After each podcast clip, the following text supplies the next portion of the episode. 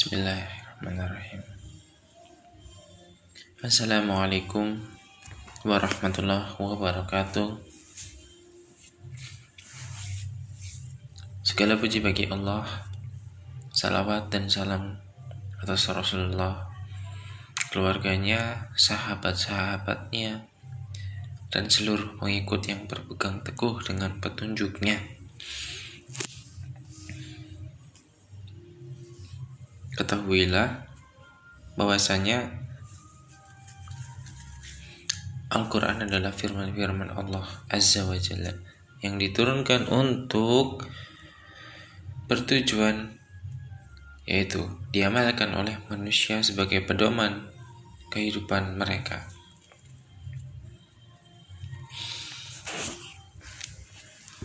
Bagaimana uh, menyikapi Al-Quran di rumah Jadi para sahabat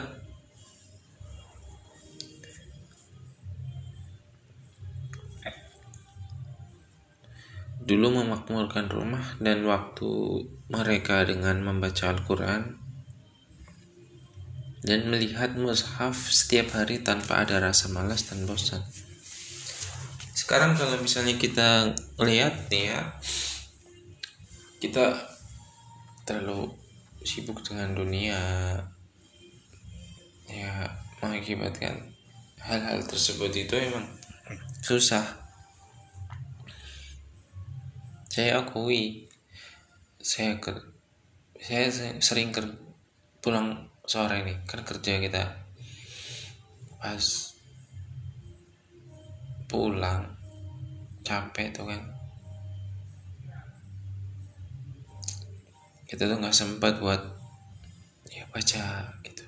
Tapi kalau kita udah niat gitu biarpun hanya beberapa ayat insya Allah emang awal-awalnya itu semangat. Dan nextnya itu emang berat. Tapi kalau niat kita udah teguh niat kita udah kuat insya Allah berjalan. Ini uh, ceritanya di Umar bin Al-Khattab. Ketika ia masuk rumah maka ia membuka mushaf untuk membacanya. Begitu pula ia juga pernah dikunjungi oleh seseorang. Namun ia membuat tamunya menunggu sendiri dalam waktu yang cukup lama. Gimana? Ketika kita lagi baca Quran tiba-tiba ada tamu. Terus tamu itu menunggu. Kemudian ia mengizinkan tamunya untuk masuk seraya berkata kepadanya tadi aku menyelesaikan wiridku terlebih dahulu. Maksudnya dia baca Quran dulu terus setelah selesai baru ayo masuk gitu tamunya disuruh masuk As dari Aisyah radhiyallahu anhu berkata, Sungguh aku membaca Al-Quran sambil duduk di atas kursi atau kasurku. Begitulah dengan Hasan radhiyallahu yang membaca wirid Al-Quran dari awal malam. Adapun Husain membaca wiridnya dari akhir malam. Pernah seseorang bertanya kepada Nafi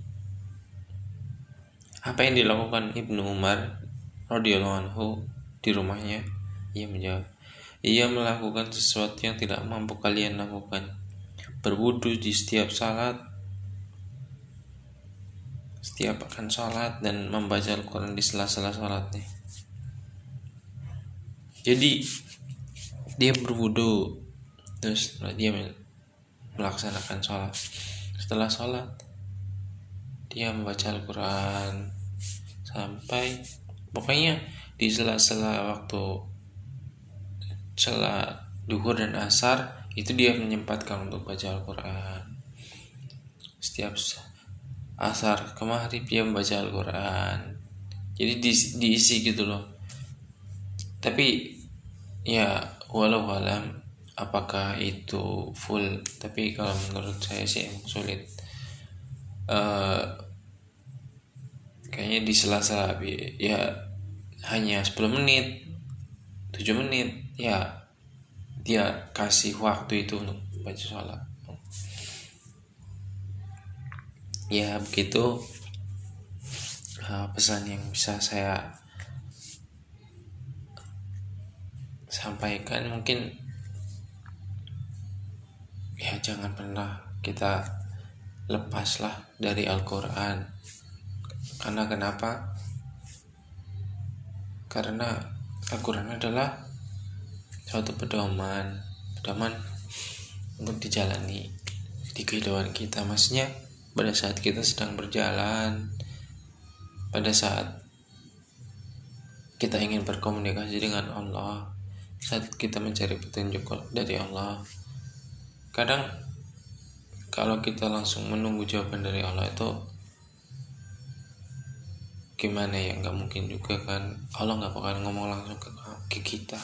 Tapi Allah sudah menurunkan kitab itu sebagai jalan hidup kita supaya kita itu belajar dari itu. Jadi ya petunjuk sudah ada. Masnya kenapa kita nggak belajar dari itu